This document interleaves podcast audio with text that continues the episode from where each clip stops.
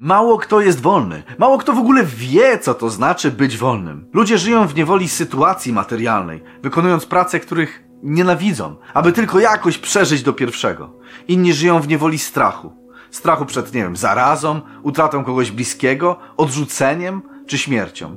Jeszcze inni żyją w niewoli fałszywych doktryn, ewolucjonistów, papistów, new age'owców czy niewoli własnej pajęczyny kłamstw.